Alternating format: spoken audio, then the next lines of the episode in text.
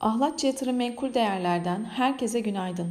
Dün gözler Fed'in faiz kararındaydı. Fed 75 bas puan ile son 28 yılın en agresif faiz artırımını gerçekleştirirken önümüzdeki toplantılarda 50 veya 75 bas puanlık bir artışı gidebileceğinin de mesajını vermiş oldu. Amerika'da son 40 yılın en yüksek enflasyon verisi gelmesi dolayısıyla enflasyonda henüz zirve seviyelerinin görülmemiş olması Fed'in tutumunu agresifleştirmiş oldu.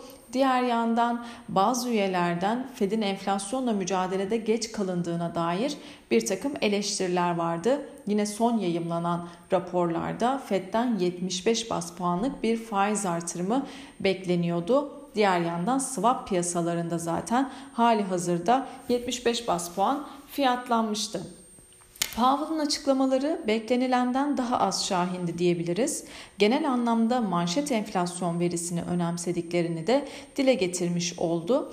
Powell faiz artırımı ile bu büyüklükteki adımların yaygın hale gelmesini beklemedikleri açıklamalarını yaptı. Dolayısıyla küresel piyasalarda da alıcılı bir seyir gözlemlendi.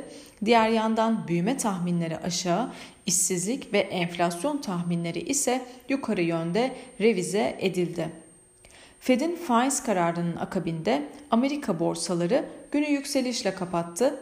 S&P aralıksız 5 günlük düşüşün ardından ilk kez pozitif kapattı.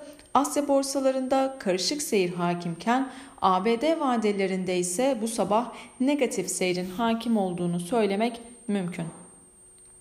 Fed'in faiz kararı ve Powell'ın açıklamaları sonrasında zirve seviyelerinden bir miktar aşağı çekilen dolar endeksi 105 seviyelerinden işlem görürken euro dolar paritesi ise 1.0406 seviyelerine kadar geri çekilmiş durumda.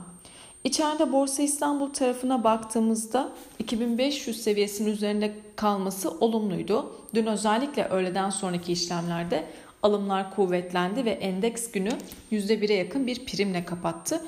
Bugün için yukarıda 2580 seviyesi direnç, aşağıda ise 2530 ve 2500 seviyeleri ise destek olarak takip edilebilir.